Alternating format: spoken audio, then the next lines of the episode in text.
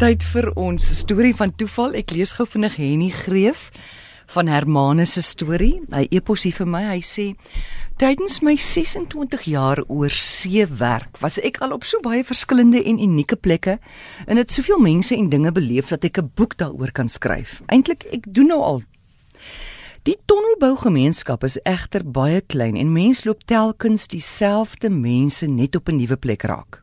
Tog een van die interessantste insidente wat ek teëgekom het, was juis op een van die projekte. 'n Jong Suid-Afrikaanse ingenieur het op 'n projek in Maleisië gewerk en die Suid-Afrikaanse landmeter op dieselfde projek. En hy het rug aan rug agter hom in een van die klein dorpies gewoon. Huise wat 'n mens nou net hier vir die jy weet vir die verloop van die projek in die twee togte lekker oor die agterdraad vir die hele projek gekuier. Jy weet van ons mos nou net 'n draad tussen hulle, hulle is bure. Toe die projek klaar is, is die twee na verskillende plekke in verskillende lande en het mekaar nie weer gesien nie.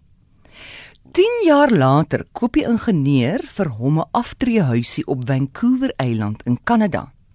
Met die afpak van sy trek kom groet sy nuwe buurman wat rug aan rug agter hom bly met koek en tee. Ha, en wie sal dit wees? Die einste landmeter wat ook vir hom 'n aftreehuisie daar op Vancouver Eiland gekoop het. Kan jy glo?